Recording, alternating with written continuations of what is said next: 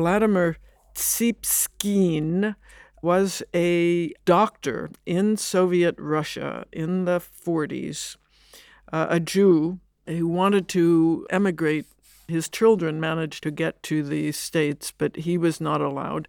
He was denied his employment as a medical practitioner, and uh, he became strangely fascinated investigating uh, Dostoevsky, who, of course, was an anti Semite. And uh, this book he wrote, it's his one publication, is called uh, Summer in Baden Baden.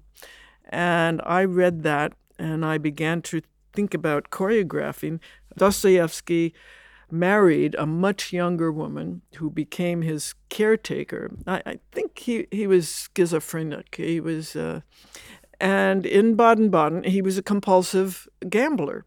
He squandered all their money. He would come back on his knees, uh, beg her forgiveness, and then take sell her jewelry. And constantly this uh, conflict. And she was at her wits' end with this guy.